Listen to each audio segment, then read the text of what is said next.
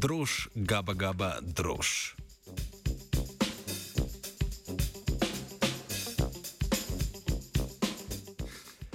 O raziskavah mikrobioma organizmov ali ekosistemov se pogosto poroča skozi prizmo njihove sestave, redke pa beremo o njihovih funkcionalnih značilnostih.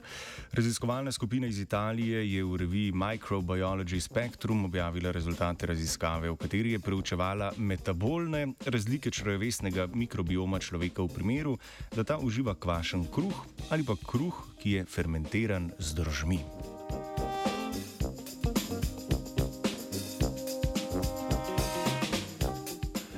Študija je imela več korakov. Raziskovalna skupina je predhodno opravila mikrobiološko in biokemično analizo ter analizo hranilne vrednosti kruha, vzhajanega s kvasom, ter kruha, fermentiranega z drožmi. Slednji namreč poleg kvasov vsebuje tudi laktobacile in je zato bolj kisel. Obe vrsti kruha sta imeli sicer primerljive makrohranilne vrednosti, na ravni mikronutrientov pa je imel kruh z drožmi večji delež človeku neprebavljivega škroba kot tudi višjo hranilno vrednost, saj je fermentacija omogočila boljšo presnovo proteinov.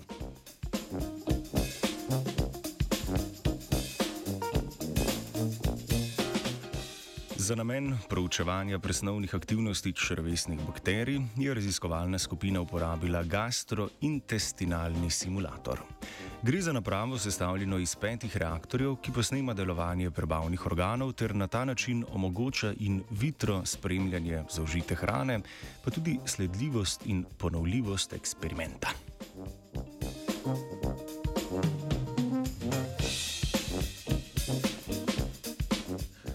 Na začetku poskusov so raziskovalke in raziskovalci gastrointestinalni simulator inokulirali s fekalnimi vzorci zdravih prostovoljcev in na to 14 dni vsak dan spremljali, kako se črevesni mikrobiom odziva na vnos kvašenega kruha ter kruha vzhajanega z držmi.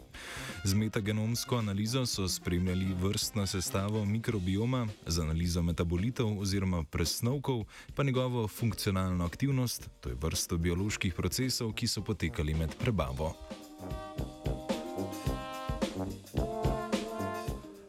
Rezultati raziskave so pokazali, da tip zaužitega kruha ni drastično vplival na vrstno sestavo mikroorganismov črevesja.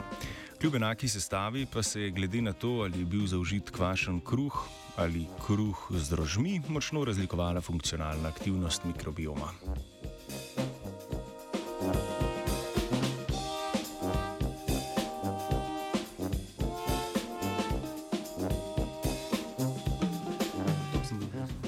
Kruh z drožmi je namreč v črevesnih bakterijah spodbudil nastajanje kratkih nasičenih maščobnih kislin, med drugim ocetne, propionske in maslene kisline, ki uravnavajo presnovo glukoze in maščob, prav tako pa zmašujejo unetje ter oksidativni stres. Zaznan je bil tudi višji nivo ex-novo prostih aminokislin in presenetljivo tudi višji nivo molekule GABA.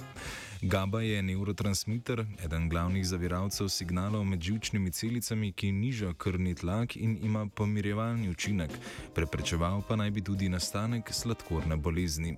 Prav tako je bilo ugotovljeno, da zavira unetni oziv imunskega sistema pri avtoimunih boleznih. Kruh z držmi tako očitno pripomore k bolj zdravemu delovanju črevesnega mikrobioma.